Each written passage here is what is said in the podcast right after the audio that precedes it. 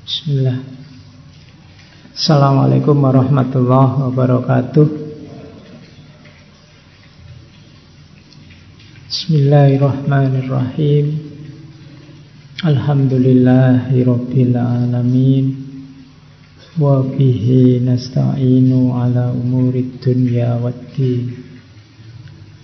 Allahumma salli wa sallim wa barik ala habibina wa syafi'ina Sayyidina wa maulana Muhammadin wa ala alihi wa ashabihi wa man tabi'ahum bi ihsanin ila yaumiddin.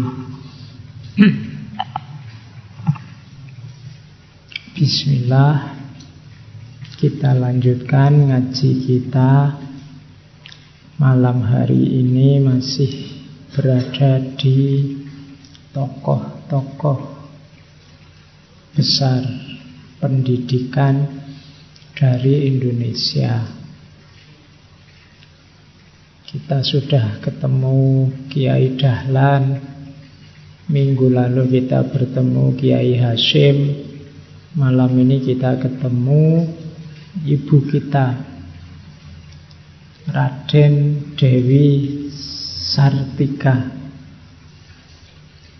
Kita punya dua pahlawan perempuan yang sama-sama Raden Yang satu Raden Ajeng Kartini Yang satu Raden Dewi Sartika Dan sebenarnya masih banyak lagi pahlawan-pahlawan perempuan kita miliki Malam ini kita angkat beliau mewakili gagasan pendidikan untuk kaum perempuan.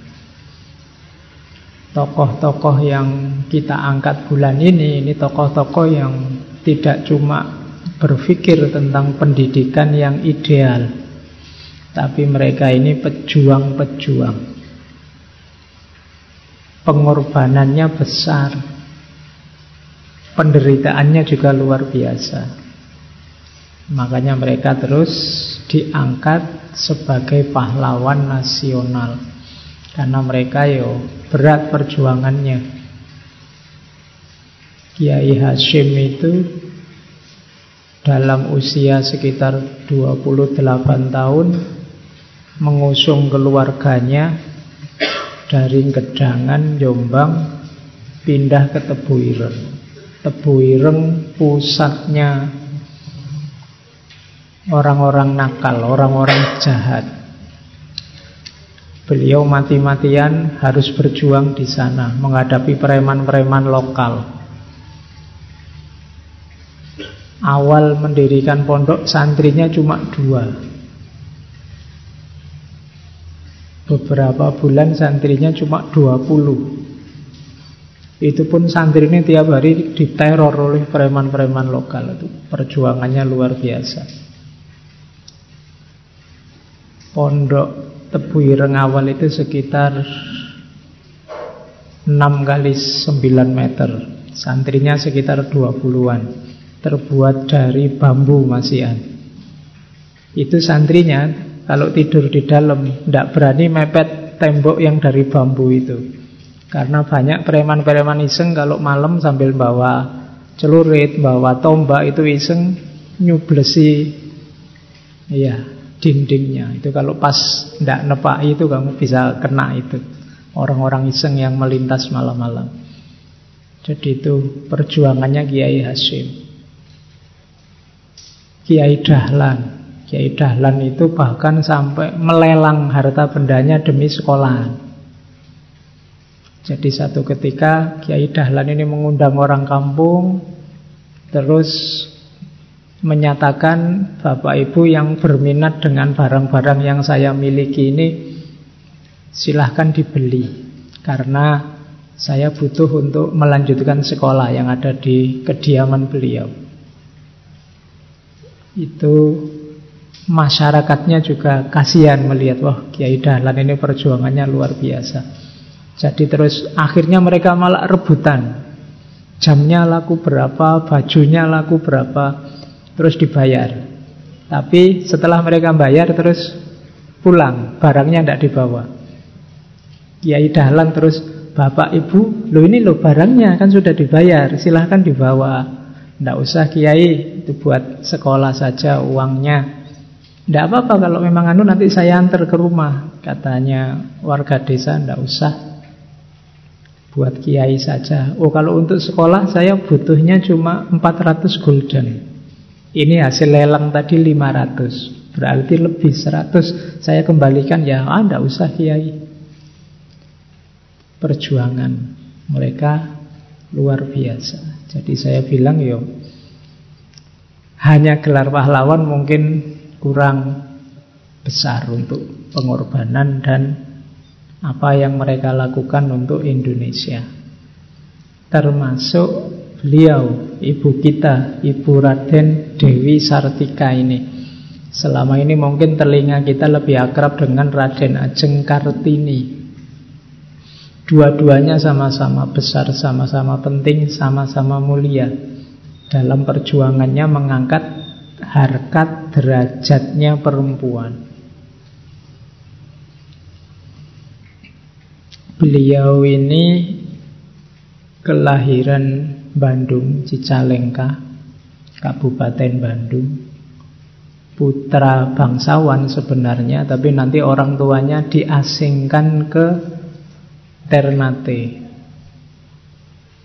Terus beliau ikut pamannya. Nah nanti di sekolahan pamannya inilah beliau mendirikan namanya sekolah istri. Karena memang beliau memprihatinkan nasibnya perempuan zaman itu. Beliau lahir 1884 sekolah istri itu tahun 1904 resminya. Dua tahun sebelum itu tahun 1902 itu sudah dimulai pengajaran-pengajaran pada perempuan-perempuan kerabatnya. Tapi 1904 diizinkan oleh Belanda. Kemudian sukses Meskipun awalnya hanya di pendoponya pamannya. Nanti tahun 1910 namanya ganti jadi Sekolah Keutamaan Istri.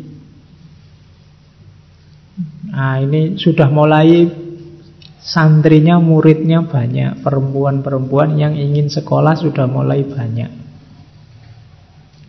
Beberapa terus membuka cabang. Karena semakin banyak cabang, untuk menaungi sekolah-sekolah ini, akhirnya sekolah keutamaan istri ganti nama menjadi organisasi keutamaan istri. Terakhir nanti berkembang lagi namanya berubah untuk menghargai beliau Namanya jadi Sekolah Raden Dewi Sama Semakin besar pengaruhnya di mana-mana ada cabangnya sampai keluar Jawa.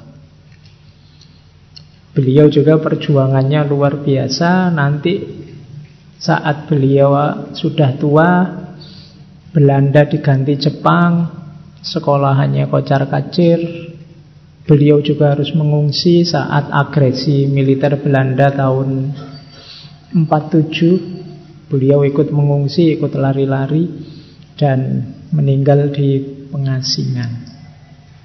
Meninggal di pengungsian. Jadi itu riwayat hidup beliau. Saya sampaikan tidak seperti kemarin karena Kelihatannya teman-teman tidak terlalu akrab dengan beliau. Padahal beliau tokoh penting dalam sejarah pendidikan nasional Khususnya untuk perempuan. Keprihatinan beliau ya memang tentang level pendidikan perempuan. Saat itu, ini zamannya setara dengan dulu kita mengangkat tokoh namanya Betty Friedan dianggap pelopornya feminisme. Punya gagasan namanya feminin mistik. Ini penyakitnya yang ada di masyarakat yang berhubungan dengan perempuan. Katanya Freiden ada feminin mistik. Di Indonesia juga penyakit ini lahir dan subur. Jadi orang memilah-milah aktivitas sosial budaya dengan kategori ini untuk laki-laki, ini untuk perempuan. Kalau mulai sejak kecil disosialisasikan itu, kalau laki-laki mainannya mobil-mobilan, kalau perempuan mainannya boneka. Kalau laki-laki warna-warna gagah merah, hitam, kalau perempuan warna pink, warna ini namanya feminin mistik. Nah, ya kalau yang simpel-simpel tidak masalah, tapi kalau yang penting-penting ini bahaya.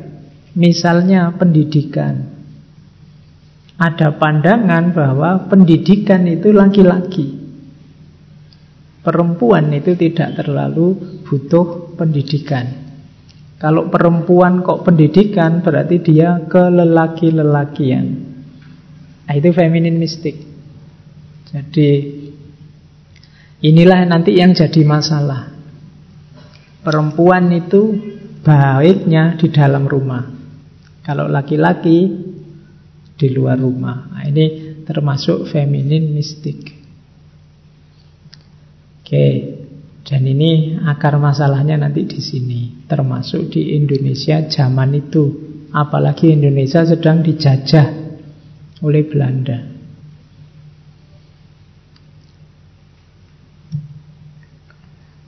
Nah, kita lihat ini ada hasil penelitian zaman itu perempuan Jawa itu ada empat kelas.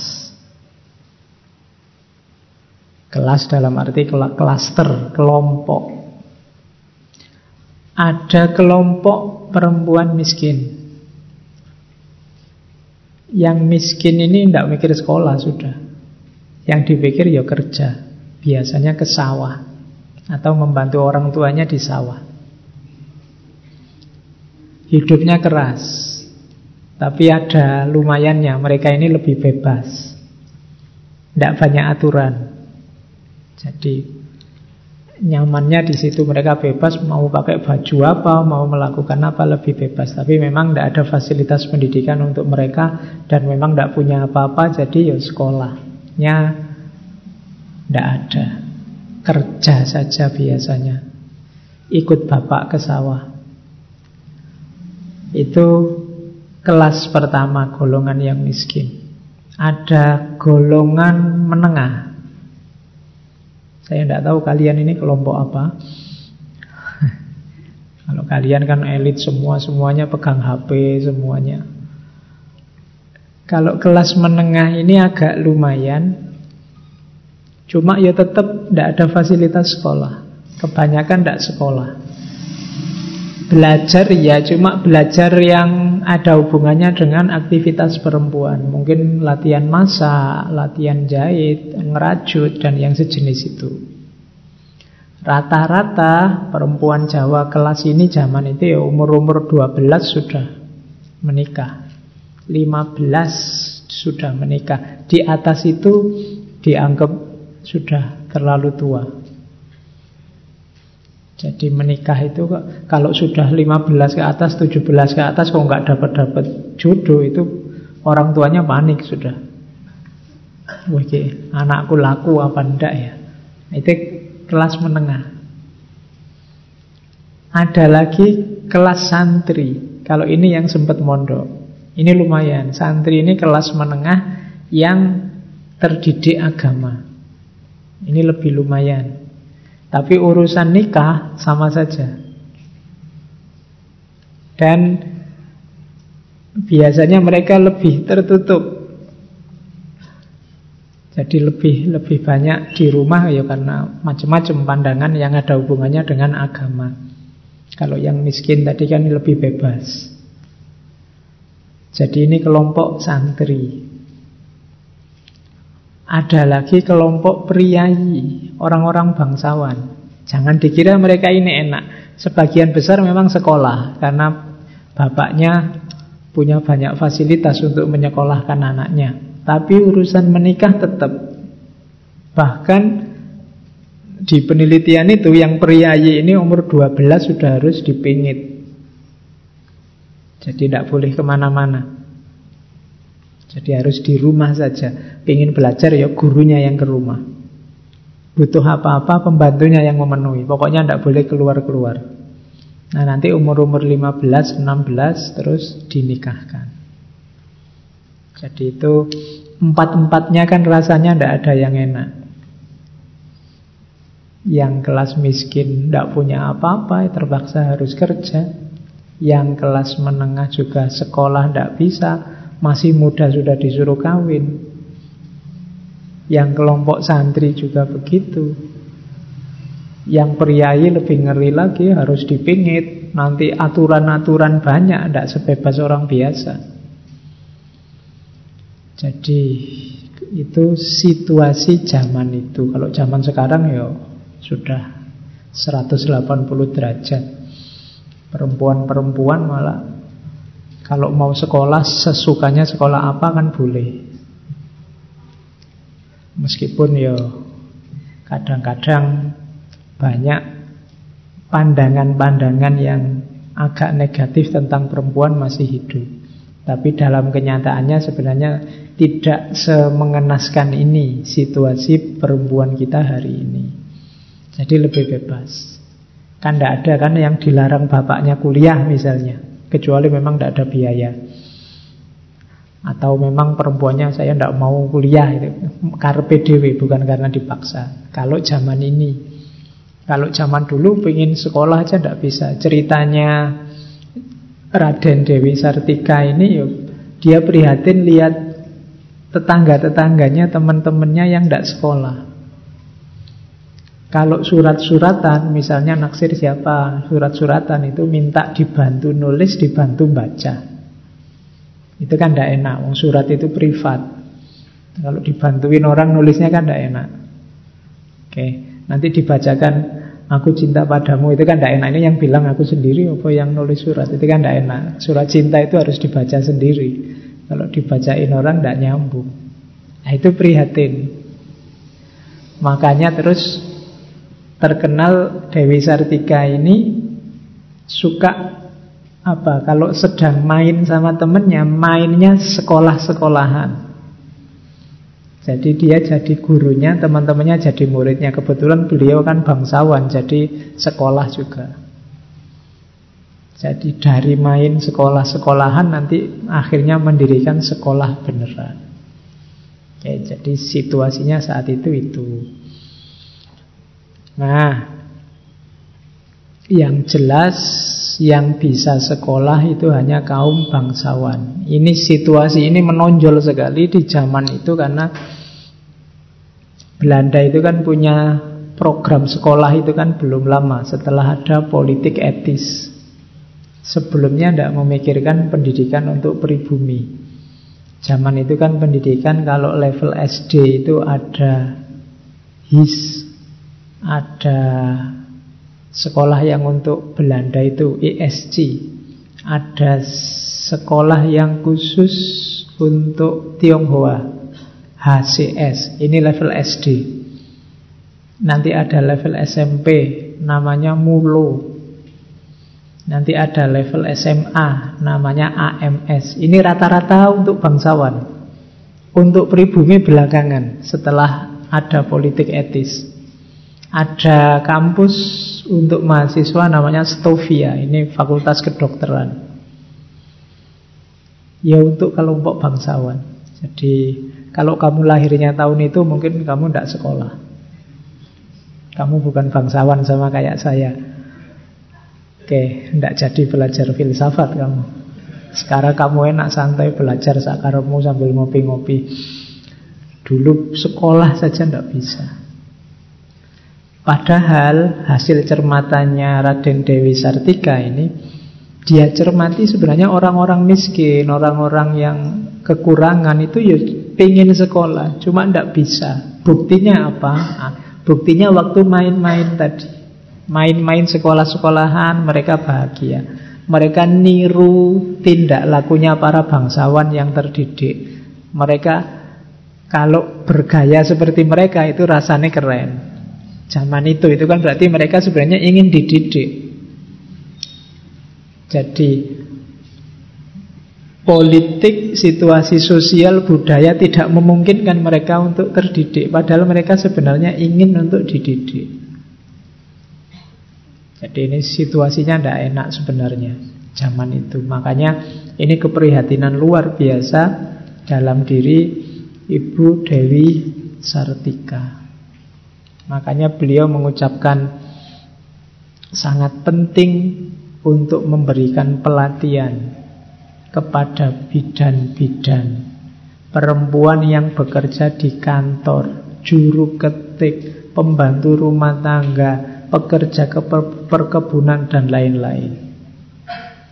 Jadi yo orang-orang ini perlu kita didik.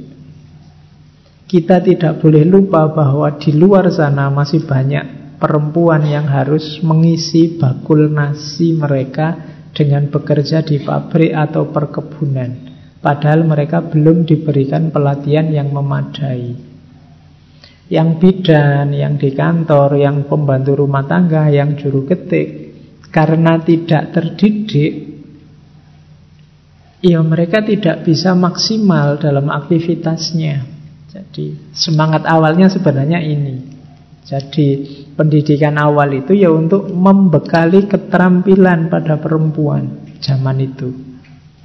Ya kalau sekarang kan ya wis mikir macam-macam, pengen belajar psikologi, pengen belajar antropologi, pengen belajar filsafat. Zaman itu pikirannya belum sampai ke sana.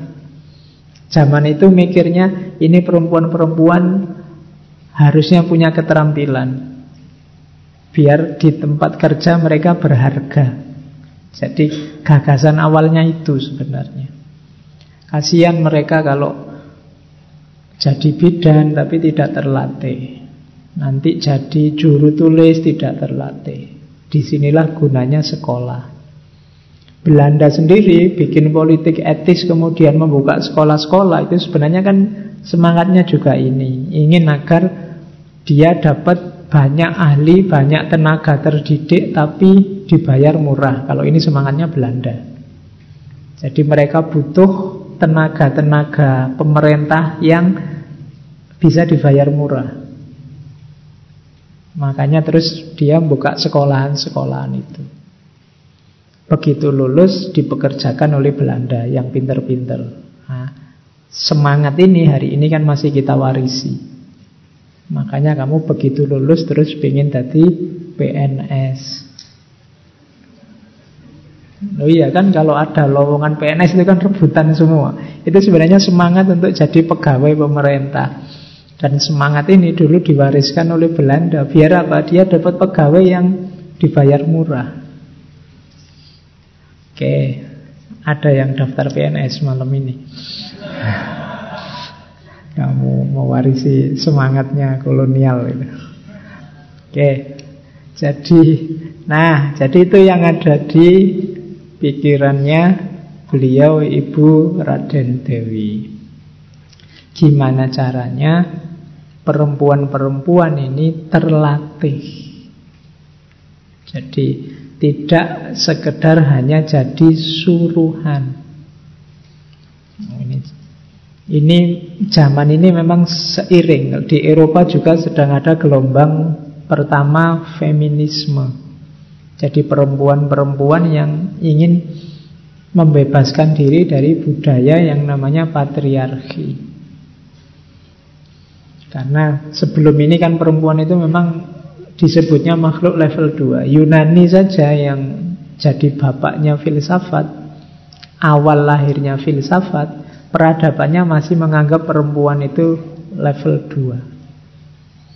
Bahkan ada filosof yang bilang perempuan itu manusia yang belum utuh. Jadi masih setengah manusia. Ada yang begitu.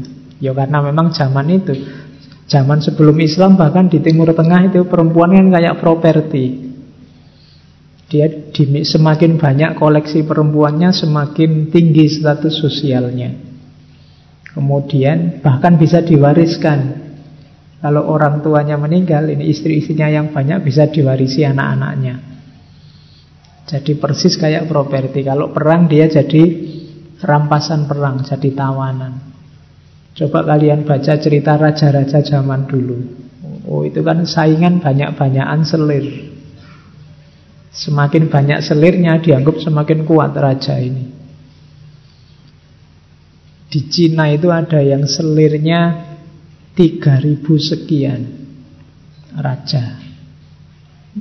Itu kalau kamu ngitung punya selir 3000, anggap saja kalau digilir satu malam satu, satu tahun anggap saja 300 hari lah. Wah itu gilirannya 10 tahun sekali itu. Satu orang. Oke, jadi itu situasi perempuan zaman itu. Nah, ketika orang mulai sadar bahwa enggak kita ini enggak adil pada mereka. Kita dan mereka kan sama-sama manusia. Kalau bahasanya Al-Quran bahkan penciptaan Hawa itu kan min nafsi wahidah. Kita ini satu nafas, satu jiwa dengan perempuan. Kalau kamu menyengsarakan mereka sebenarnya engkau sedang menyengsarakan dirimu sendiri. Wong kita min nafsi wahidah. Nafasnya sama kita. Oke, itu kalau bahasanya Al-Quran. Cuma karena yang menafsir Al-Quran itu kebanyakan laki-laki, baunya juga jadi sangat laki-laki. Padahal kalau mau jeli ya banyak ayat yang sangat memuliakan, mengunggulkan perempuan. Banyak kisah-kisah, ada kisah Israiliyat itu yang bahwa dulu Nabi Adam itu sampai tergoda makan buah huldi karena dirayu oleh Hawa. Jadi ibu Hawa lah biang keladinya sampai Adam terusir dari surga. Berarti perempuan itu perayu, penggoda. Nah, kesimpulannya kan terus begitu. Sebenarnya ya bisa disimpulkan secara berbeda. Simpulkan saja berarti laki-laki itu lemah. Mudah digoda. Oke, cuma karena mufasirnya laki-laki kesimpulannya hanya pada titik penggodanya saja. Ya, ya, jadi itu yang membuat peradaban manusia sekian puluh abad situasinya adalah patriarki, memenangkan laki-laki. Oke, kita lanjutkan perjuangan beliau. Nah, beliau punya cita-cita begini. Kaum wanita harus maju pintar seperti kaum laki-laki. Kenapa? Karena kaum wanita akan jadi ibu. Mereka lah yang paling dahulu mengajarkan pengetahuan kepada manusia, kepada anak-anak mereka, laki-laki maupun perempuan. Guru pertama setiap orang itu pasti ibunya. Ya ibu yang melahirkan, yang ngomong, Sejak lahir sampai balita itu kan selalu dalam dekapan ibu. Maka ibu adalah guru pertama. Karena ibu adalah guru pertama, ya harus berkualitas. Kalau pendidikan perempuan tidak diperhatikan, sehingga mereka tidak terdidik, kualitasnya rendah, maka jangan heran kalau generasi kita nanti SDM-nya rendah. Kenapa? Guru pertamanya tidak berkualitas. Maka ibu harus cerdas, ibu harus pinter. Kenapa? Dia guru pertama anak-anaknya. Nah, itu yang ada dalam pikiran Ibu Dewi Sartika. Maka perempuan tidak boleh memasrahkan pendidikannya pada laki-laki. Sudahlah, biar yang pinter yang laki-laki saja saya manut, tidak boleh begitu. Karena dia gurunya anak-anaknya nanti. Oke, dari situlah nanti Ibu Dewi Sartika merancang pendidikan untuk perempuan. Mengumpulkan sanak kerabatnya, termasuk orang-orang miskin, ayo kita belajar bareng-bareng. Biar kita berkualitas Jangan sampai perempuan-perempuan lemah Karena dialah pembentuk generasi. Kalau mereka lemah, ya generasimu nanti akan lemah. Dari situ lahir sekolah istri. Visinya ini sekolah istri itu. Tidak tahu saya tidak bisa bahasa Sunda. Jadi kalian yang Sunda silahkan dibaca sendiri. Jadi itu kalau saya baca bahasa Indonesianya, kalau jadi perempuan harus memiliki keterampilan. Harus bisa segala hal agar bisa hidup. Jadi Perempuan harus punya keterampilan, perempuan bisa segala hal itu maksudnya apa? Perempuan harus mandiri. Jangan tergantung pada apa pun, pada siapa pun. Tidak ada laki-laki pun kamu bisa berdiri tegak sendiri. Nah, itu bisa segalanya. Jadi beliau mencanangkan visi, ayo perempuan punyalah keterampilan, mandirilah biar kalian bisa hidup tegak sendiri. Tidak lagi tergantung pada orang tua, tergantung pada suami, tergantung pada masyarakat, apalagi jadi bebannya masyarakat. Jadilah kontributor dalam kehidupan ini. Nah, itu visinya sekolah istri. Meskipun sudah jadi istri, Jangan berhenti untuk belajar, meningkatkan kualitas diri. Apalagi yang belum jadi istri. Laki-laki juga begitu, tidak boleh egois. Harus punya visi untuk memandirikan pasangannya. Karena kalau perempuan sangat tergantung pada laki-laki, kalau tiba-tiba laki-lakinya tidak ada gimana? Kayak ceritanya BCL itu. Ya, contoh nih. Oke, ya sebenarnya setiap orang harus mandiri, apalagi Muslim. Muslim itu minggu lalu saya bilang ya, kamu tidak boleh tergantung pada apa pun, pada siapa pun kecuali Allah. Jadi mandirilah dalam hidupmu, satu-satunya tempatmu curhat, tempatmu bergantung harusnya hanya Allah. Nah itu visinya sekolah istri. Jadi silahkan yang perempuan-perempuan diingat-ingat harus punya keterampilan, harus mandiri, dan siap berjuang dalam hidup. Amrih bisa hirup. Jadi visi sekolah istri ini. Misinya apa? Ini Misinya sekolah apa? Mewujudkan sistem pendidikan yang membuat seseorang maju. Maju pikirannya, maju keahliannya, maju tingkah lakunya. Sehingga hidupnya sejahtera. Ini Kalimat ini sebenarnya sangat modern. Yang memahami dunia pendidikan hari ini akan melihat bahwa tiga hal itu yang sekarang didengung-dengungkan oleh para ahli pendidikan masa kini. Jadi yang digarap adalah pemikirannya, keahliannya, sama tingkah lakunya. Tingkah laku itu attitude-nya, perilakunya, akhlaknya, keahlian itu ya profesionalitasnya, keahliannya, pemikiran itu nalarnya, kognisinya. Jadi kognisi, afeksi, psikomotorik kalau pakai bahasa hari ini. Cuma zaman itu itu sudah luar biasa, sudah bisa menemukan bahwa pendidikan itu membuat orang maju pikirannya, maju keahliannya, dan maju tingkah lakunya.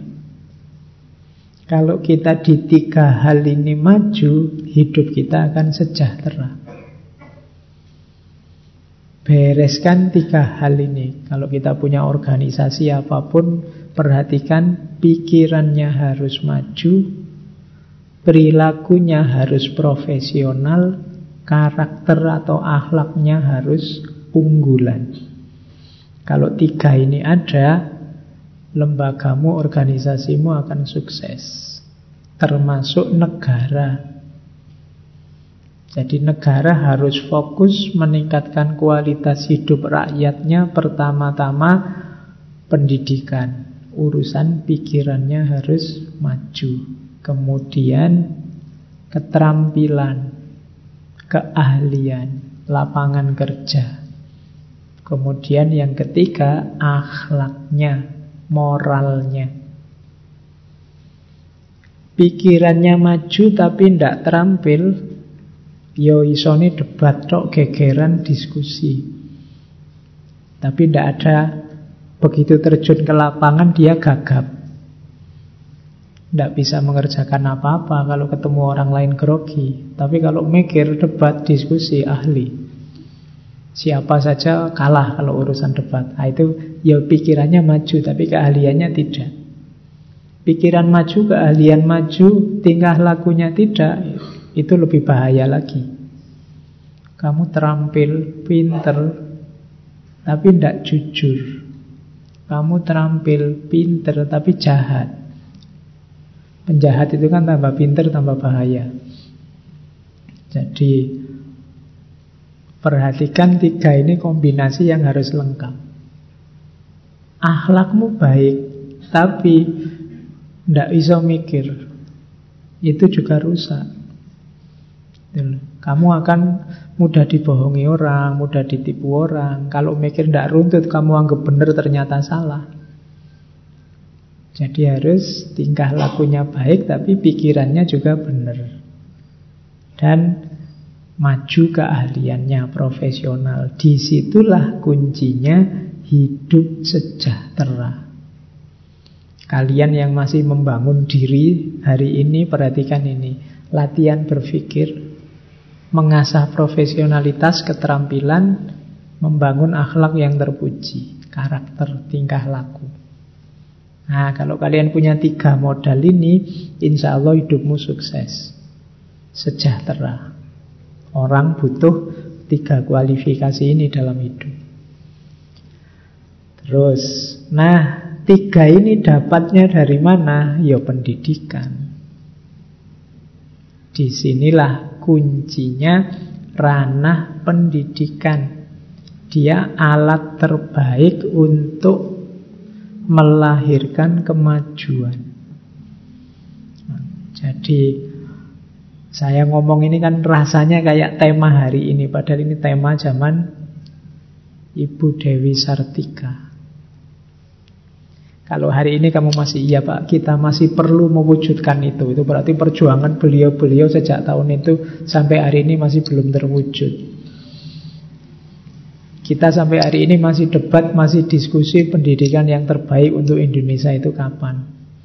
Kita masih ngomong sistem yang terbaik. Kalau masih diskusi tentang sistem kan berarti belum diimplementasikan. Nah, debatnya terlalu panjang. Atau sudah diimplementasikan, tapi ganti pejabat ya ganti aturan Pak. Ya wis. Terus ganti lagi. Sini baru diimplementasi ganti lagi. Oke, itu situasi kita hari ini. Tidak jauh beda dengan dulu ternyata. Berarti kita majunya tidak jauh. Terus visinya, tujuannya sekarang. Tujuannya mencetak anak didik yang kuwi macane piye? Cager, bager, bener, pinter, wanter. Itu bahasa Sunda.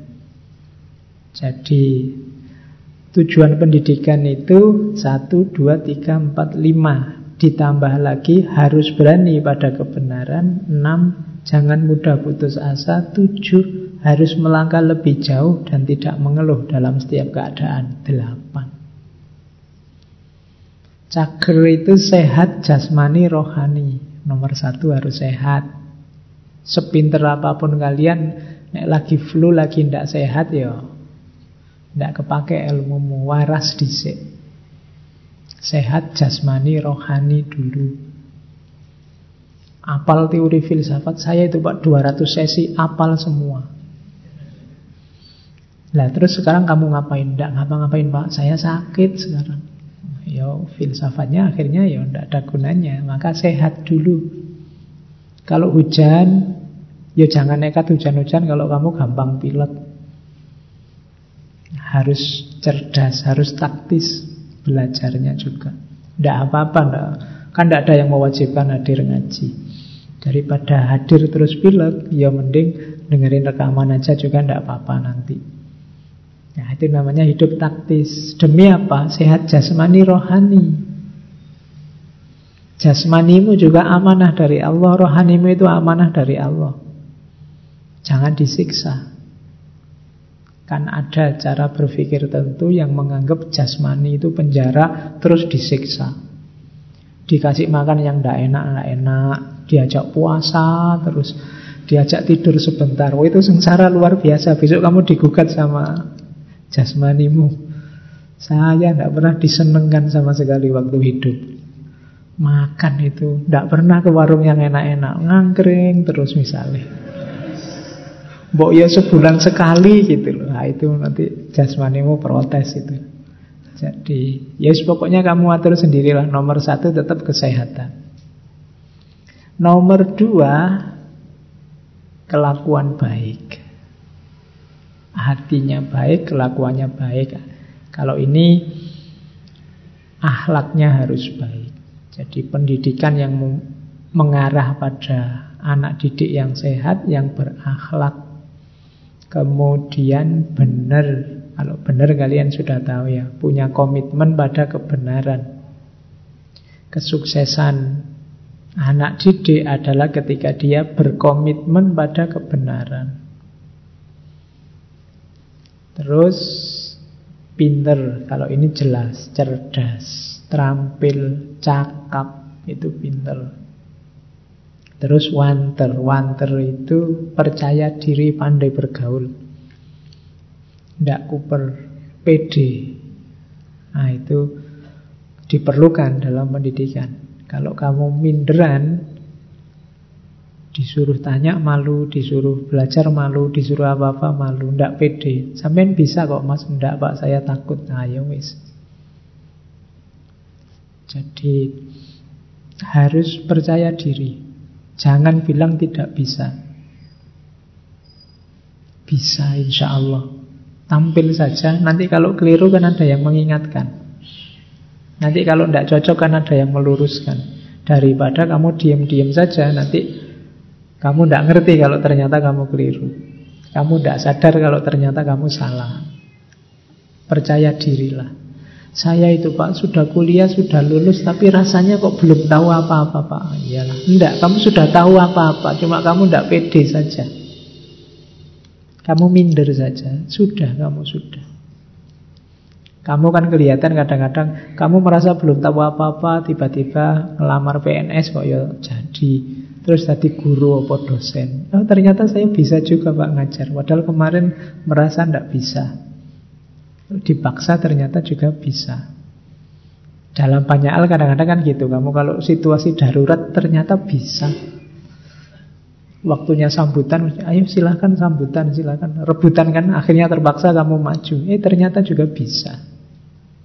Dalam banyak hal sebenarnya kamu sudah bisa kok. Hanya saja kamu tidak pede. Mungkin sebenarnya sebagian besar yang di sini itu sudah bisa ganti saya di sini. Cuma kamu tidak pede saja. Ya, apalagi karena saya masih ada. Jadi daah mesti gitu kan. Tapi sebenarnya kamu bisa sudah. Ya pelan-pelan pasti bisa.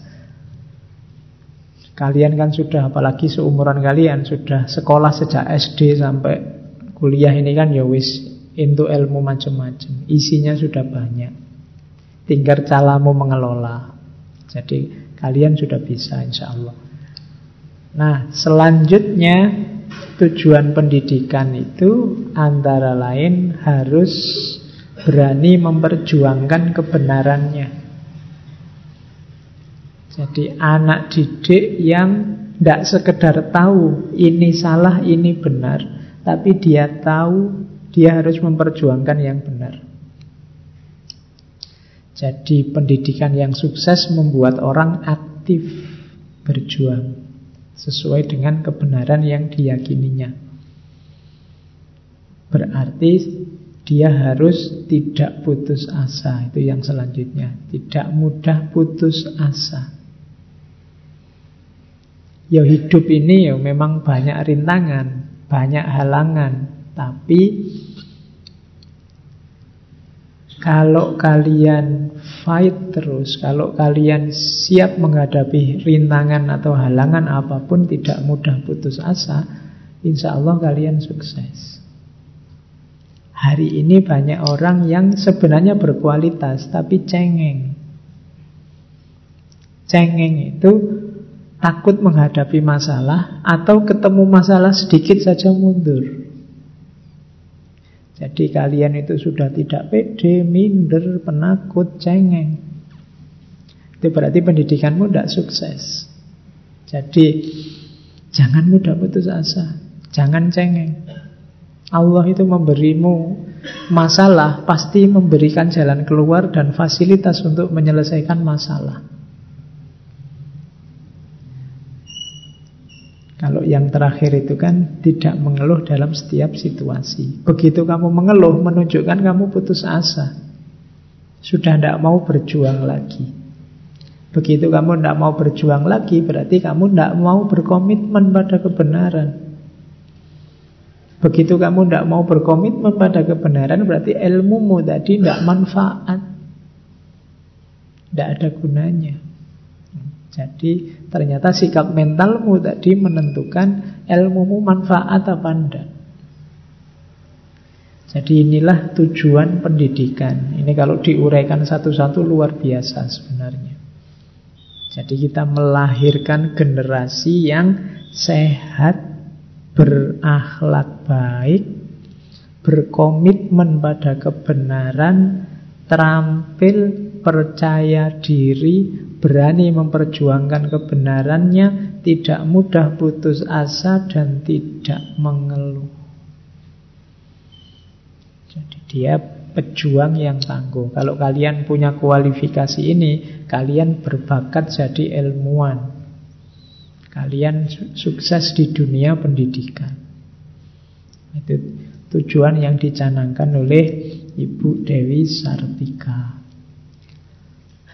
Selain sekolah, beliau juga pernah menulis buku. Bukunya sama kayak sekolahnya, judulnya Keutamaan Istri. Tidak terlalu tebal, sekitar 25 halaman. Sayangnya pakai bahasa Sunda. Ya, teman-teman yang Sunda nanti bisa bantu teman-teman yang lain. Jadi isinya apa? Sama idealisme beliau dalam mendidik perempuan. Buku itu ditujukan pada anak didik dan juga orang tuanya. Ini saya sebut di sini karena pandangan ini luar biasa. Ternyata yang perlu dididik itu tidak cuma anak-anaknya, tapi juga orang tuanya. Orang tua juga harus punya kesadaran pendidikan.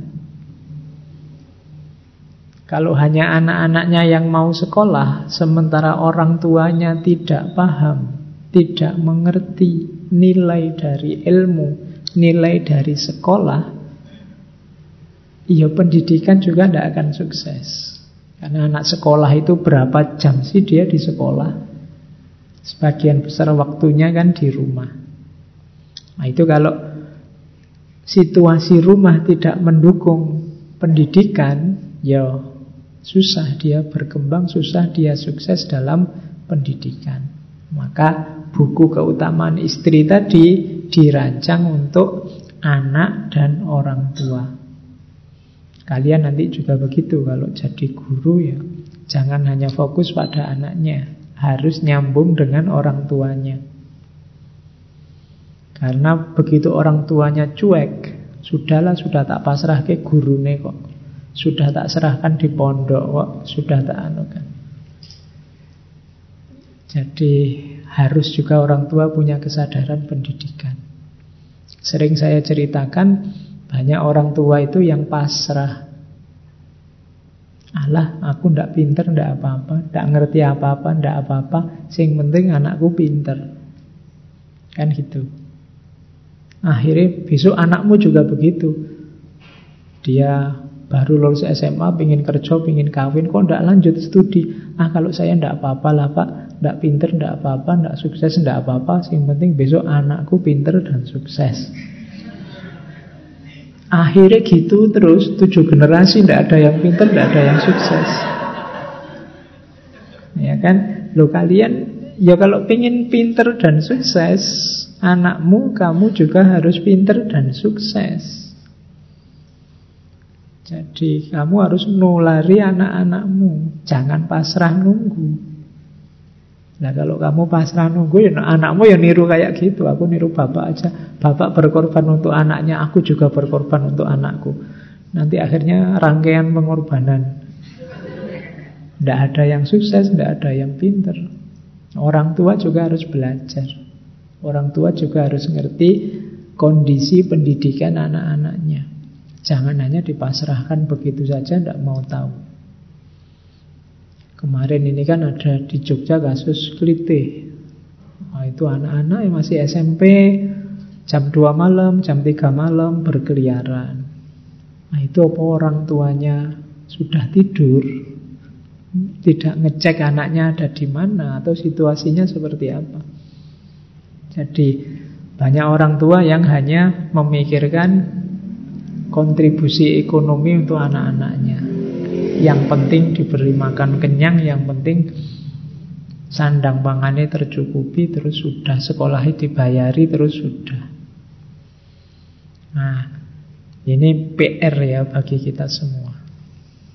Biar tidak hanya beban pendidikan itu ada di guru dan murid, tapi juga masyarakat bertanggung jawab juga dalam mensukseskan pendidikan.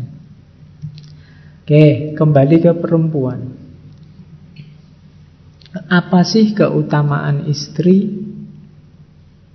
Keutamaan istri itu katanya Raden Dewi Sartika adalah istri sebagai seorang perempuan yang hebat, yang terdidik, yang cerdas, sehingga mereka bisa mencerdaskan generasi penerus. Jadi jadilah perempuan yang kuat, perempuan yang cerdas, perempuan yang hebat, maka nanti generasi kita yang akan datang pasti kuat, pasti hebat, pasti cerdas. Kuncinya generasi ada di perempuan. Itulah keutamaannya perempuan. Nah, selanjutnya katanya Dewi Sartika ada tiga hal utama yang jadi sumber keutamaannya. Yang pertama adalah bangsanya, yang kedua adalah adat dan kebiasaannya, dan yang ketiga pendidikannya. Jadi perempuan itu utama, yang pertama bangsa. Jangan lupa budayamu, Jangan lupa identitasmu. Siapa dirimu? Posisi dan peran apa yang harus kalian mainkan? Yang kedua, adat dan kebiasaan. Ini menentukan. Manusia itu dibentuk sebenarnya bukan semata-mata oleh ilmu dan pengetahuannya, tapi oleh apa yang dia biasakan.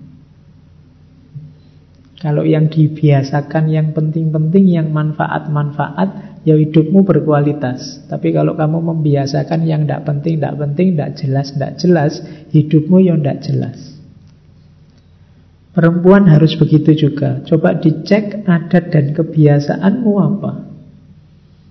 Yang rutin kamu lakukan apa? Yang setiap hari, setiap minggu, setiap bulan kamu lakukan apa? Manfaat atau tidak? Berguna atau tidak. Dari 100% hidupmu, berapa persen alokasi waktumu untuk hal-hal yang berguna? Nah, ini membangun adat dan kebiasaan. Di situ nanti akan lahir orang-orang hebat. Oke, jadi di situ kuncinya keutamaan perempuan. Tadi kan perempuan sedang susah payah ingin membebaskan diri dari ketidakadilan ketertindasannya. Kuncinya di tiga ini. Jadi mengenali kebangsaannya, kebudayaannya, siapa dirinya, pembiasaan, adat dan kebiasaan, dan pendidikan. Oke, jadi bangunlah di tiga ini nanti akan lahir perempuan-perempuan yang utama. Ini kalau di ceramah gini rasanya enak kamu manduk-manduk tapi nanti dijalankan tidak simpel. Urusannya godaannya banyak. Makanya tadi tujuannya pendidikan itu kamu yang tidak putus asa yang pantang menyerah yang tidak mudah mengeluh.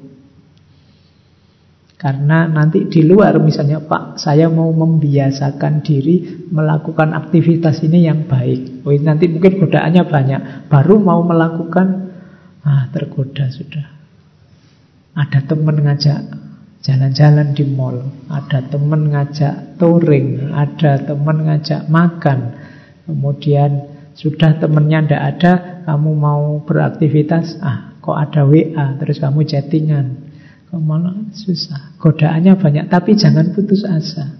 Jangan mengeluh juga, berjuang saja terus. Rumusnya itu. Kadang-kadang ada orang itu pekerja ideal-idealnya bagus, cita-citanya bagus, tapi terus terhalang terus. Akhirnya dia marah. Pertama-tama yang dia marahi dirinya sendiri. Aku ini gimana tuh? Aku ini kok bodoh banget tuh? Aku itu kok lelet banget tuh? Aku itu terus dia marahi dirinya sendiri. Ini juga tidak kondusif. Jadi sayangilah dirimu. Ya kalau salah diingatkan, wahai diriku, mbok jangan begitu. Mbok jangan mudah tergoda. Karena kadang-kadang kita ini kan suka menyiksa, memarahi diri kita sendiri. Aku ini gimana sih? Harusnya tahun ini lulus loh. Tidak lulus lagi ternyata. Masih nunggu tahun depan lagi kok. Nah itu terus kamu siksa dirimu akhirnya. Begitu kamu siksa dirimu, emangnya yang sengsara siapa? Kan dirimu sendiri. Kalau kamu marahi dirimu sendiri terus mutung, itu yang mutung siapa? Kan ya dirimu sendiri. Terus putus asa, yang putus asa siapa? Kan juga dirimu sendiri. Itu seperti kamu bertarung, tidak ada musuhnya sih. Ya melawan dirimu sendiri dan kalah-kalah sendiri. Padahal yang mengalahkan ya dirimu sendiri. Pakai jurus-jurusmu sendiri. Kamu KO-KO sendiri. Itu kayak kayak orang tinju yang ditinju wajahnya sendiri, terus KO sendiri. Ah, janganlah. Jadi hidup yang tangguh. Godaan pasti kadang-kadang kita agak meleset-meleset sedikit manusiawi. Asal semangat terus untuk kebenaran berusaha memperbaiki. Jadi yang perempuan khususnya biar jadi perempuan yang utama. Di situlah keutamaan perempuan. Terus, nah, cuma memang beliau yang ingin mendirikan sekolah tadi merasa perjuanganku masih berat. Masih banyak orang-orang setanah air saya yang rupanya selalu berusaha untuk lebih dahulu menentang segala yang baru. Jadi masyarakat itu sering tidak setuju sesuatu hanya karena sesuatu itu baru. Orang lebih nyaman dengan yang lama yang selama ini sudah berjalan. Sudahlah, biasanya gitu, tidak usah neko-neko, tidak usah macam-macam. Perempuan sekolah juga begitu, karena sebelumnya tidak ada perempuan sekolah, terus sudahlah, nanti malah kacau, nanti malah rusak. Ada resistensi-resistensi. Jadi banyak orang tua yang tidak mau menyekolahkan anaknya. Ada beberapa alasan. Yang pertama, mereka tidak mau mengirim anaknya ke sekolah karena takut anaknya bergaul dengan banyak orang terus terpengaruh. Jadi khawatir dipengaruhi temannya. Alasan pertama ini dalam cermatannya Raden Dewi Sartika. Biasanya ini kelompok-kelompok menengah dan priayi. Anakku ini priayi nanti kalau tak sekolah ke bareng anaknya orang biasa koyo wajah-wajah gini ini nanti dia ndak halus lagi nanti nanti belajar ngomong jelek belajar misuh belajar ah ndak jelas ndak usah sekolah lah kamu belajar di rumah saja nah, ini resistensi biasanya dari kelompok-kelompok ini jadi anak perempuan sudah ndak usah sekolah tinggi-tinggi di luar kalau mau belajar di rumah saja. Kalau di luar pergaulan luar biasa. Jangan sampai kamu rusak. Kalau kalian kan tidak mikir ke sana. Kalian sudah rusak duluan. Mau ngerusak apa lagi? Kalian yang merusak orang lain. Oke, jadi resisten dari orang-orang tua. Yang pertama ini argumennya. Ada argumen resisten yang kedua. Jadi Kuatirnya anak ini kalau ilmunya banyak terus suka memberontak. Melawan aturan. Mereka terus jadi bebas. Argumen kedua itu. Ini kalau anakku sekolah nanti tambah pinter, jangan-jangan nanti dia bantai wong tuane terus. Jangan-jangan nanti dia hidupnya macam-macam, tidak seperti yang selama ini berjalan, melawan adat, melawan tradisi. Nanti kalau sudah pinter, jangan-jangan tidak mau melakukan ini, tidak mau melakukan itu. Nah, itu kekhawatirannya orang tua. Jadi khawatir anaknya jadi tidak terkontrol karena sekarang dia pinter. Kalau zaman kamu kecil kan, kalau di masyarakat itu kan banyak hal-hal yang mungkin tidak masuk akal di tengah masyarakat. Khawatirnya kalau kamu sekolah nanti nabrak ini semua. Dulu kalau kamu kecil, ayo cepat tidur. Kalau tidak tidur nanti ada hantu lewat loh. Jadi kamu kan terus takut digituin. Tapi begitu kamu pinter kan tidak. Allah tidak tidur juga tidak apa-apa. Hantu itu kan cuma nih. Sekarang kamu pinter. Sudah bisa jawab. Oke, khawatirnya orang tuamu begitu. Nanti kamu disuruh apa-apa bantah. Kamu merancang hidup sesuai keinginanmu sendiri. Padahal orang tuamu punya banyak rencana untuk dirimu. Maka mereka resisten ketika diajak sekolah. Yang ketiga, banyak juga resistensi dari masyarakat karena orang-orang tua melihat dirinya sendiri. Ibumu melihat dirinya sendiri Allah aku dulu ya ndak sekolah Ya bukti ini bisa Sukses Bisa punya anak kamu Bisa jadi ibu rumah tangga yang baik. Ngapain sih terus sekolah?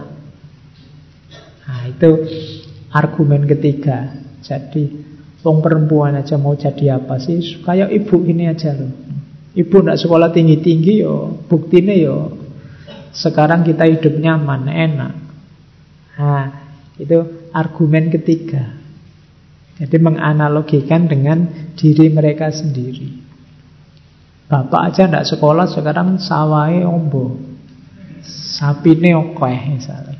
Kamu yang sekolah malah ke sana kemari nyari kerjaan misalnya. Nah, ada resisten begitu. Resistensi terhadap sekolah. Terus ada lagi resisten karena apa?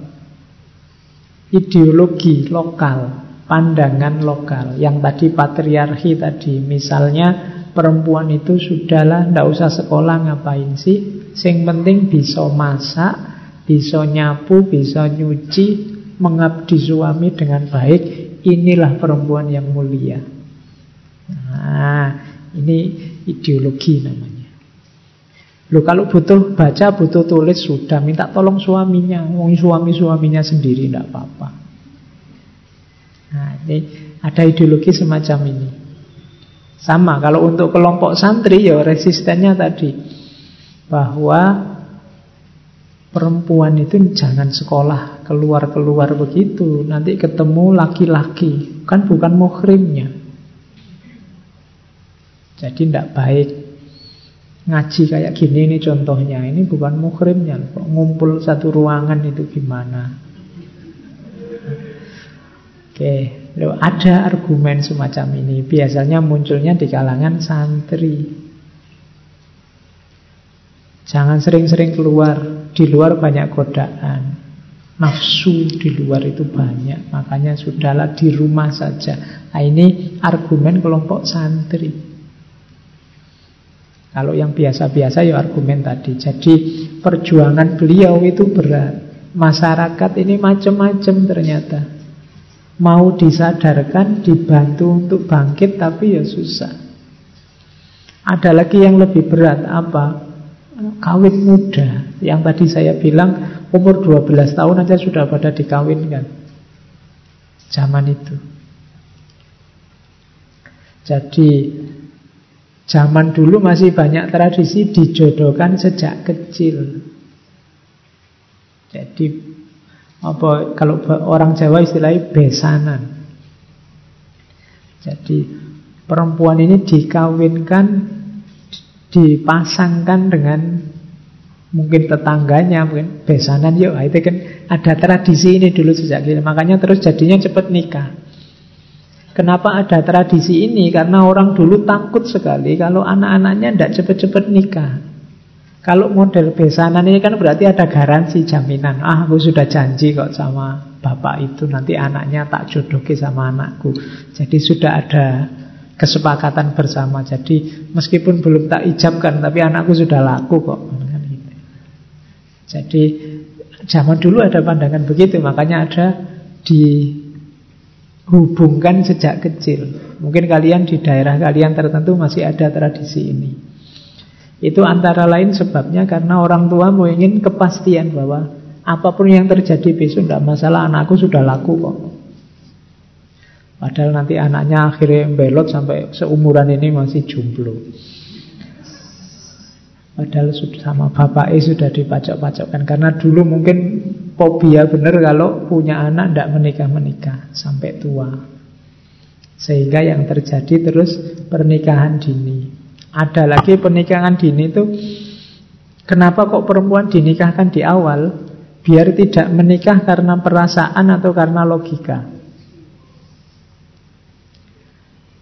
Oke, jadi Kalau dia masih kecil kan tidak mikir cinta-cintaan kalau sudah mikir cinta-cintaan nanti berat Terlanjur jatuh cinta sama itu Padahal orang tuanya tidak merestui kan juga repot Nanti stres nyanyi kayak Laila Majnun itu Nah, maka sudahlah masih kecil dinikahkan aja.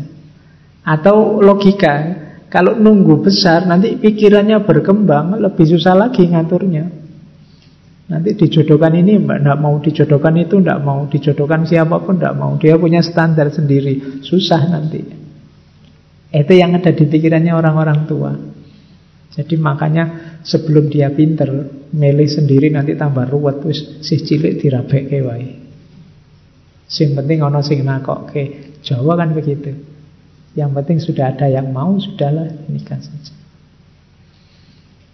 Jadi ada banyak tantangan ternyata zaman itu. Kalau kamu buka sekolah perempuan hari ini itu simple, gampang. Tapi zaman itu kamu buka sekolahan untuk perempuan sangat berat. Itu pun belum urusannya dengan penjajah, dengan Belanda, dengan politik, dengan ekonomi, wah tambah ruwet lagi. Tidak heran nanti beliau diangkat jadi pahlawan nasional tahun 66. Oke, kita lanjutkan. Sekolah istri itu ya kalau di sistemnya punya standar juga untuk guru. Jadi ini kriteria guru di sekolah istri. Yang pertama punya kompetensi di dunia pendidikan. Berarti apa? Bisa ngajar. Jadi syarat kalau ini biasa ya bisa ngajar. Ya mesti wai guru bisa ngajar. Paling tidak punya kepercayaan diri bisa mengajar Punya kemampuan tinggi di dunia pendidikan itu simpelnya bisa mengajar. Dan gurunya harus perempuan Karena ini sekolah perempuan. Ada syarat kedua Punya keterampilan khusus di bidang keterampilan perempuan. Ya karena guru perempuan ngajari perempuan. Di antara kompetensi sekolahnya itu menanamkan keterampilan maka gurunya juga harus punya keterampilan. Masak misalnya, jahit, nyulam, rendo, yang sejenis itu. Jadi keterampilan untuk perempuan. Ini keterampilan ini kelihatannya sederhana, sangat perempuan. Tapi banyak perempuan hari ini juga tidak menguasai teknik-teknik itu. Jahit, rendo, masak, dan lain-lain. Sekarang yang pintar masak malah banyak laki-laki. Oke. Terus kedua itu. Yang ketiga berwibawa, bijaksana, tegas, disiplin, baik, periang, adil. Oh, itu karakternya luar biasa ya. Kalau berwibawa pasti bijaksana ya, tegas, disiplin, baik, periang. Periang itu berarti kalau kamu melamar di sekolahnya Ibu Dewi Sartika, kamu tidak boleh jadi orang yang ngamuan, orang yang merengut terus tiap hari orang yang kalau dilihat wajahnya kita mules perut kita karena tidak ada senyumnya sama sekali. Nah, itu orangnya mengerikan. Kalau papasan kita senyum, sudah terlanjur senyum, dia tidak senyum. Nah, itu kan tidak enak. Jadi jadi guru yang periang di antara yang dicari. Periang itu kan menyenangkan. Kehadirannya membuat situasi jadi cerah. Aku muridnya seneng. Karena ada guru itu begitu masuk kelas, muridnya mules semua. Aduh kok masuk ya, padahal tak harapkan kosong ya. Nah itu kamu harus hati-hati. Jadi dicari guru yang periang, menyenangkan. Meskipun tetap berwibawa, bijaksana, tegas, dan disiplin. Terus yang keempat apa? Kalau bahasa ringkasnya provokatif, membangkitkan minat. Jadi guru yo harus sedikit-sedikit bisa jadi motivator. Jadi mendorong muridnya untuk belajar, semangat. Jadi Gimana caranya muridnya pingin belajar sendiri tanpa harus dipaksa, tanpa harus diberi tugas. Kalau bisa seperti ini berarti gurunya sukses. Dan yang kelima, punya kepedulian terhadap perempuan dan nasibnya. Nah, jadi lima syarat ini jadi syaratnya kalau ingin jadi guru di sekolah istri atau sekolah keutamaan istri. Bisa mengajar, punya keterampilan, baik, bijaksana, tegas, bisa memberi motivasi, dan punya kepedulian terhadap perempuan. Karena memang perjuangannya perjuangan untuk meningkatkan perempuan di bidang pendidikan. Terus kalau ini materinya itu kan 6 tahun. Ya nanti silahkan kalian baca lagi ya materinya apa saja. Ini sekolah kan level dasar. Kelas 1 mata pelajarannya membaca, menulis, berhitung, menyanyi, dikte, berbaris. Semoga kalian tidak trauma. Kadang-kadang mata pelajaran nyanyi itu kan kamu takut. Karena tidak iso nyanyi. Oke, itu kelas 1. Nah, kalau kelas 2 membaca, menulis, berhitung, menyanyi, dikte, baris berbaris, menggambar. Kelihatannya menyenangkan ya pelajarannya. Tidak ada tekanan macam-macam, tidak ada matematika, tidak ada tematik, tidak ada Ya, jadi moco, nulis, berhitung. Ini kan level SD. Kalau hari ini kan SD sudah harus bisa moco, bisa nulis, Baru diajarkan di kelas 2 Terus yang ketiga Kalau sudah kelas 3 Membaca, menulis, berhitung, menyanyi Dikte, baris, gambar Ditambah merajut Untuk perempuan. Nah, Orang dulu ya Baca nulis jadi pelajaran terus. Makanya orang dulu rata-rata tulisannya apik-apik. Orang zaman dulu itu kalau nulis latin itu biasanya rapi-rapi gitu. Bandingkan dengan tulisanmu sekarang saya itu kadang-kadang kalau membaca hasil ujiannya teman-teman itu sampai putus asa. Aduh, ini nulis apa tuh ya aku. Jadi tak baca tak wola balik sampai berbes milih kudu nangis ya ora iso iso iki tulisan opo Oke, ya latihan lah nulis paling tidak yang bisa dibaca orang lain. Ya kalau kamu sendiri ya mesti iso maca tulisan-tulisanmu dhewe. Lebih tragis lagi kalau kamu sendiri tidak bisa maca tulisan dewe. Atau jangan-jangan sengaja dibikin gitu biar dosennya bingung terus dikasih nilai bagus gitu aja. Jadi latihanlah nulis, membaca, menulis, berhitung, menyanyi, dikte, berbaris, gambar, merajut. Kelas 4 sudah tidak ada lagi membaca, menulis. Dianggap sudah mampu Pelajarannya ganti. Ilmu sejarah, ilmu bumi, bahasa Belanda. Jahit, bordil, masak Bahasa Melayu, ngaji, sholat, doa-doa. Kelas 4 Kelas 5 Jahit, ilmu tumbuh-tumbuhan, ilmu alam, ilmu bumi, ilmu sejarah, bahasa Belanda, masak, ngaji, sholat, dan siaran di radio sebulan sekali. Nah, itu mungkin yang kayak siaran-siaran dulu radio anak-anak nyanyi, nari di radio. Kelas 6, kelas terakhir jahit. Jahit ini banyak ada. Ilmu tumbuh-tumbuhan, ilmu alam, ilmu bumi, ilmu sejarah, bahasa Belanda, masak, ngaji, sholat, membuat baju. Jadi sekilas dari sini kan tergambar paling tidak alumni sini itu ya kan pengetahuannya lumayan, keterampilannya lumayan, agamanya lumayan kan gitu. Iso moco nulis. Nah, ini standar zaman itu ya, masih bukan standar hari ini yang KKNI apa-apa itu. Zaman itu standarnya pakai standar ini, simple. Tapi terasa bahwa di situ ada keterampilan, ada akhlak, ada agama, ada juga ilmu, wawasan tambah, keterampilan tambah, karakter terbangun. Yaitu materi zaman itu. Nanti dalam perkembangannya banyak alumni-alumninya yang lulus dari situ sudah bisa buka usaha. Jadi ceritanya nanti banyak murid-muridnya yang bikin usaha jahit, bikin usaha bordir, membuat tadi ada pelajaran masak, mungkin bikin warung dan macam-macam. Nah, kalau hari ini pendidikan kita mau diarahkan pada karya, pada kerja itu zaman dulu sudah seperti itu.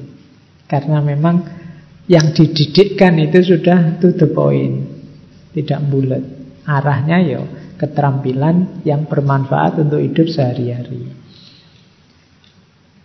Di sekolah istri juga ada pendidikan karakter.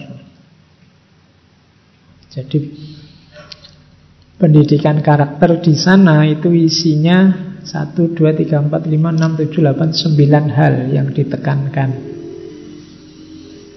Yang pertama kebersihan.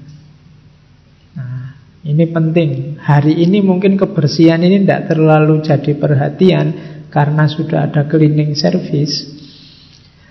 Tapi kalau kita tidak membangun karakter cinta kebersihan, jangan heran kalau bolak-balik banjir. Bolak-balik ada bencana karena kamu buang sampah sakarepmu menyebar virus sakarepmu. Ya kan? Nanti kamu meludah sembarangan, buang sampah sembarangan. Kenapa kok bisa begitu karena kamu tidak punya karakter kebersihan. Yo hadise kamu apal sih Anadzofatu minal iman Tapi kan apal tinggal apal Dalam prakteknya Jadi Ini harus karakter Yo hari ini orang membayangkan Pendidikan karakter itu Bangsa tangguh, jujur Wis simple aja Yang pertama bersih Cinta kebersihan Oh ini Kalau sudah tertanam dengan baik itu menyelamatkan kehidupan, kebersihan itu. Yang kedua, setelah kebersihan apa? Sopan santun, tata kerama. Kalau kebersihan itu etika kita berhadapan dengan lingkungan, kalau sopan santun, tata kerama, etika kita berhadapan dengan orang lain. Yang tua menghargai yang muda, yang muda menghormati yang tua. Ketemu yang tua cium tangan. Nah, itu tata kerama. Kalau ketemu senyum, menyapa dan seterusnya itu tata kerama, adab bergaul. Kenapa hari ini banyak masalah di antara kita? Kita mudah sekali pecah, kita sering melupakan adab dan tata krama. Isinya orang bertempur, berdebat, siapa kelompokku, siapa kelompok mereka, terus tidak saling sapa, terus saling marah-marahan. Nah, kita kehilangan skill karakter yang namanya tata krama. Ya, itu perlu kita tanamkan lagi. Kita pelajari lagi. Kita menganggapnya sudah bisa, sudah ngerti lah Pak yang kayak gitu. Saya sudah mahasiswa kok. Iya sih, kamu hafal kayak hadisnya kebersihan tadi. Tapi kamu jalankan enggak? Kok kalau saya membaca postingan-postinganmu, Twittermu, Instagrammu, tidak menunjukkan ada tata kerama. Kamu saling maki, saling mencari kesalahan orang lain, saling menjatuhkan. Nah, kamu kekurangan di sini. Maka tanamkan karakter ini. Yang ketiga hubungannya sama tata krama apa? Kemampuan berbicara. Kemampuan berbicara itu kemampuanmu menyampaikan gagasan, menyampaikan ide. Ini juga penting. Banyak orang pinter sebenarnya, wawasannya luas, hanya tidak bisa ngomongnya saja. Saya ngerti kok Pak yang dimaksud itu. Ya terus gimana? Kok tidak kamu jelaskan? Ah itu saya ngomongnya yang tidak bisa. Kan kamu sering begitu. Yo latihan. Latihlah kemampuan untuk berbicara secara tepat guna. Termasuk bicara secara sopan santun. Terus disiplin. Oh, itu wong Indonesia itu susah disiplin ya. Rapat kalau diundang jam 7 mesti datangnya jam 8. Ya. Itu berat pokoknya. Saya di kampus itu ada mahasiswa dari Malaysia. Dua orang yang beliaunya juga sering ngaji di sini. Alhamdulillah sekarang sudah lulus. Kuliah minggu pertama kaget deh. Kenapa? Karena jadwal kuliahnya jam 7 Dia sudah duduk manis sebelum jam 7 Mulai kuliahnya setengah 8 Hampir semua kelas begitu. Terus beliau tanya saya, Pak, kalau di sini tuh memang begitu ya, kalau jadwalnya jam 7 terus masuknya setengah 8. Ya terus tak jawab, oh kalau di sini cara membaca waktunya beda. Jadi, yeah. Sampean salah cara membaca waktunya. Jadi kalau di sini itu kalau ada tulisan kuliah dimulai jam 7 itu maksudnya kuliah paling cepat dimulai jam 7. Nah, nanti bisa lebih, tapi tidak mungkin kurang dari jam 7. Oke, ya itu mau alasanku biar dia tidak kaget.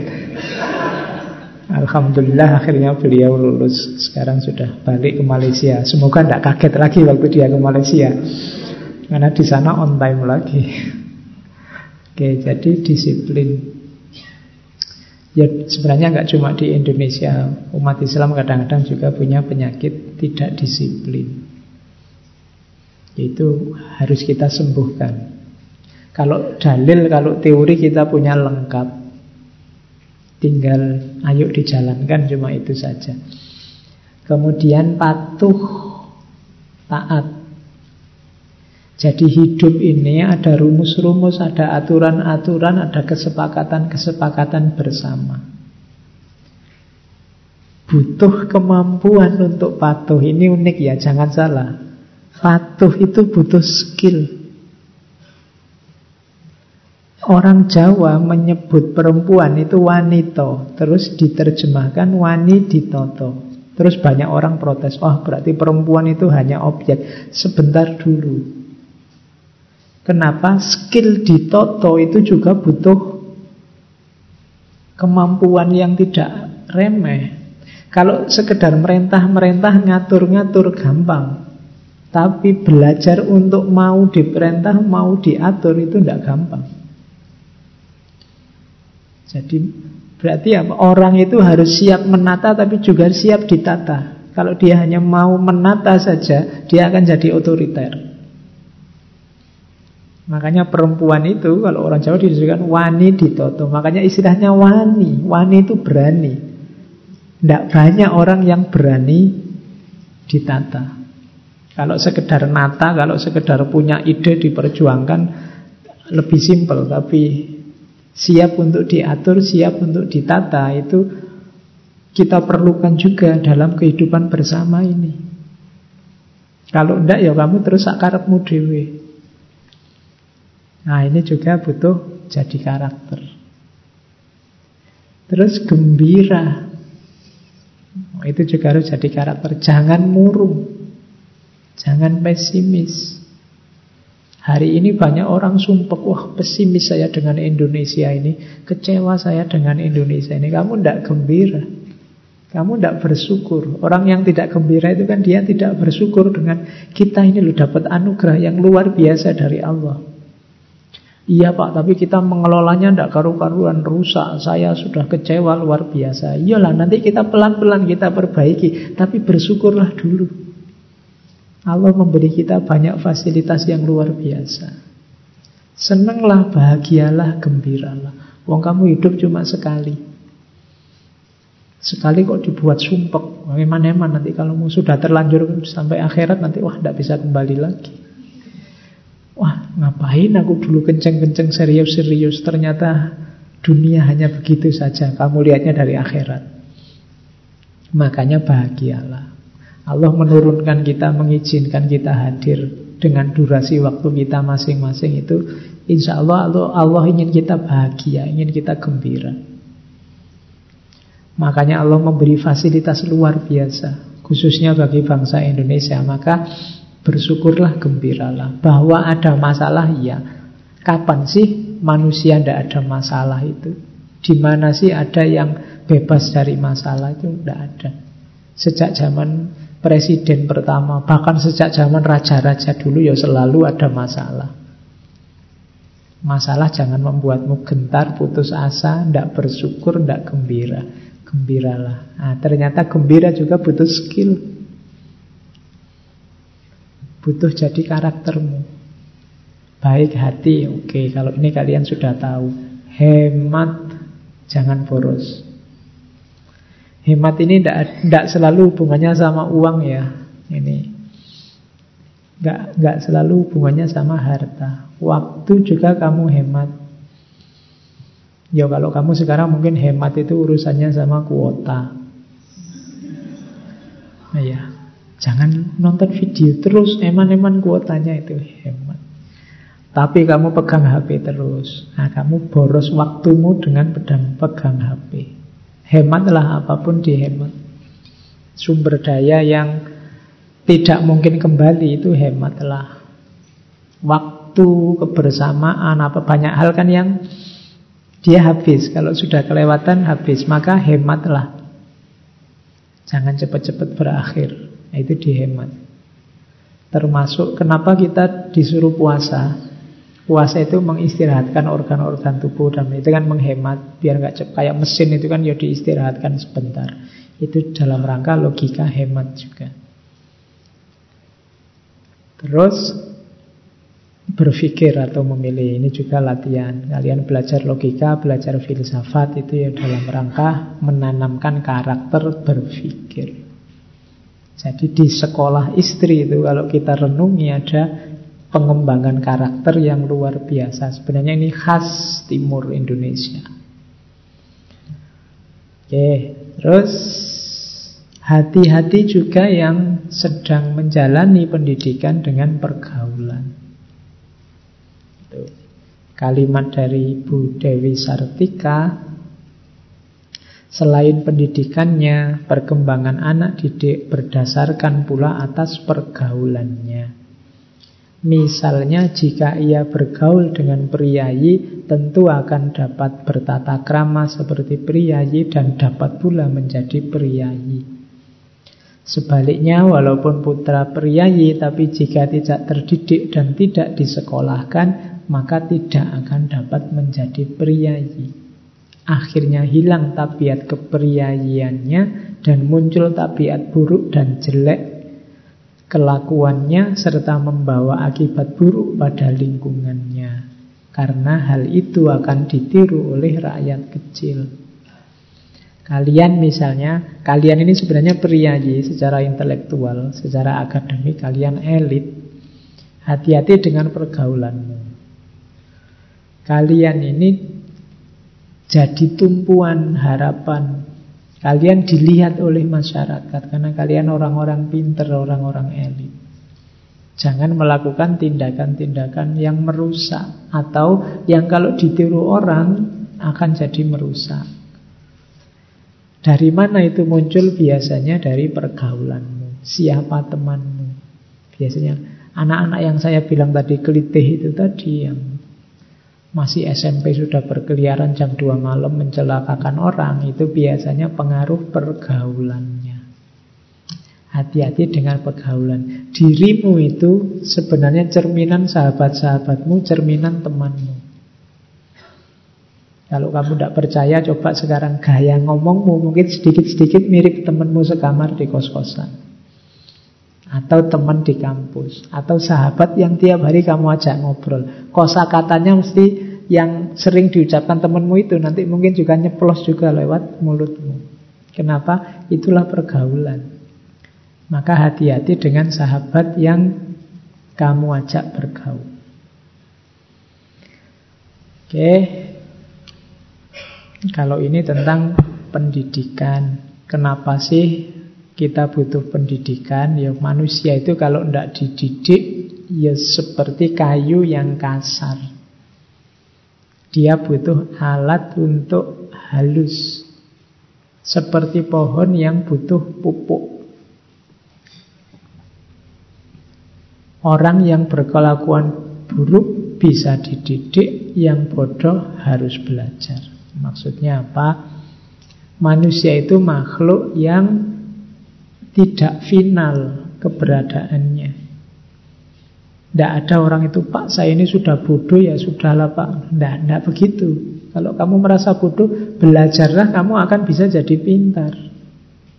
Ah, saya ini orang kecil Pak, wis terlanjur jadi preman, saya itu sudah rusak kok Pak. Tidak ada, manusia itu tidak ada yang sudah selesai tamat finish selama dia masih hidup. Bahkan kurang satu dua detik kehidupanmu masih ada kesempatan untuk memperbaiki diri. Jadi jangan menyerah dengan kejelekan. Ah, saya sudah ikut ngaji filsafat bersesi-sesi, masih belum ngerti apa-apa, Pak. Sudahlah, selesai. Enggak. Saya itu memang bodoh, mungkin enggak. Enggak ada orang bodoh itu. Mungkin bakatnya aja belum ketahuan. Mungkin karena kamu terlalu males saja, kurang aktif. Kurang memberikan semua potensi yang kamu miliki. Pak saya itu dasarnya sudah rusak Pak. Tidak ada manusia tidak punya dasaran semacam itu. Kalau kamu bentuk dirimu jadi rusak Ya rusak. Kalau kamu perbaiki ya dia jadi baik. Kalau yang sudah rusak pasti terus rusak. Tidak ada wali seperti Sunan Kalijogo Yang awalnya dianggap berandalan Tidak ada banyak cerita-cerita pertobatan para wali, para ulama yang semula nakal, semula jahat, semula Tapi terus jadi orang besar, jadi kekasihnya Allah. Tidak ada. Jadi hidup ini tidak ada final, tidak ada sudah. Tidak harus, kan kalau masih kecil bisa Pak diolah. Kalau sudah tua-tua juga bisa. Malah tua sudah mateng. Ya, bisa jadi alternatif macam-macam. Kalau masih muda kan belum kelihatan. Jadi jangan putus asa dengan kebaikan, jangan menyerah dengan kejelekan. Masih bisa. Jalurnya apa? Pendidikan, mengasah jiwa. Terus Nah, pada akhirnya Ibu Dewi Sartika mencita-citakan pada masa depan akan dialami bahwa wanita pribumi dapat bernilai sedikit lebih daripada sebuah mebel di rumah. Wanita itu kan kayak mebel zaman itu, dia tidak boleh keluar-keluar, harus di rumah saja, jadi hiasannya rumah. Ibu kita Dewi Sartika memimpikan bahwa besok wanita pribumi semoga tidak lagi seperti mebel di rumah. Kaum pria akan belajar menyatakan penghargaan yang lebih baik kepada kaum wanita. Setelah bertahun-tahun kaum wanita akan menjadi sederajat dengan kaum pria. Ini mimpinya ibu kita Dewi Sartika. Semoga hari ini sudah terwujud. Karena situasi hari ini insya Allah sudah mulai membaik. Meskipun di beberapa hal masih ada rasanya perspektif yang memandang perempuan itu levelnya di bawah laki-laki. Yaitu masih berjuang. Teman-teman yang ada di jalur feminis kan juga masih berjuang menghapuskan ini. Semoga sekarang sudah tidak lagi membayangkan pagi-pagi yang baca koran bapak yang ke pasar ibu misalnya kan itu kan Bayangannya ngono, bapak dapat enak-enakan baca koran, ibu capek pergi ke pasar terus masak terus itu. Bapak juga bisa masak, ibu juga bisa baca koran kok nanti. Ya. Terus dibalik, pagi-pagi ibu baca koran, bapak masak. ya, wong baca koran dan masak itu kan tidak ada hubungannya sama itu jatahnya laki-laki apa jatahnya perempuan. Itu kan pembagian kerja saja. Oke, tetapi manusia itu, ini manusia ya, tidak usah dihitung lagi, laki-laki atau perempuan. Tidak cukup hanya baik saja. Tetapi harus juga memiliki pengetahuan dan kecakapan buat mencari jalan hidup. Pada waktu tak ada yang memberi nafkah buat menjaga keselamatan, menghindari maya, mara bahaya, dan lain sebagainya. Jadi manusia itu tidak cukup hanya baik, dia juga butuh pinter dan terampil.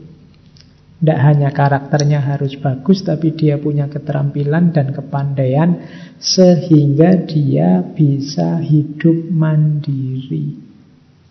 Tidak tergantung pada yang memberi nafkah, tidak tergantung pada yang menjaga keselamatannya. Karena dia bisa menjaga keselamatannya sendiri, bisa menghidupi dirinya sendiri, bisa mandiri, tidak tergantung pada yang di luar dirinya. Hal ini bisa terjadi kalau dia menguasai pengetahuan dan memiliki kecakapan. Selain pastinya dia harus jadi orang baik. Jadi pesan pendidikan malam hari ini selain bahwa perempuan juga harus memperjuangkan pendidikannya, kita juga harus mendidik diri kita untuk punya kualifikasi di tiga wilayah. Yang pertama, membangun karakter. Yang kedua, kemampuan berpikir. Dan yang ketiga, keterampilan. Kalau kita punya tiga ini, insya Allah hidup kita akan sukses. Oke, saya kira itu untuk malam hari ini. Minggu depan kita puncai dengan Ki Hajar Dewantoro. konsep tentang pendidikannya yang sehingga beliau dikenal sebagai bapak pendidikan nasional. Oke, saya kira itu teman-teman untuk malam hari ini kurang lebihnya mohon maaf. Wallahul muwafiq wallahu a'lam bissawab. Wassalamualaikum warahmatullahi wabarakatuh.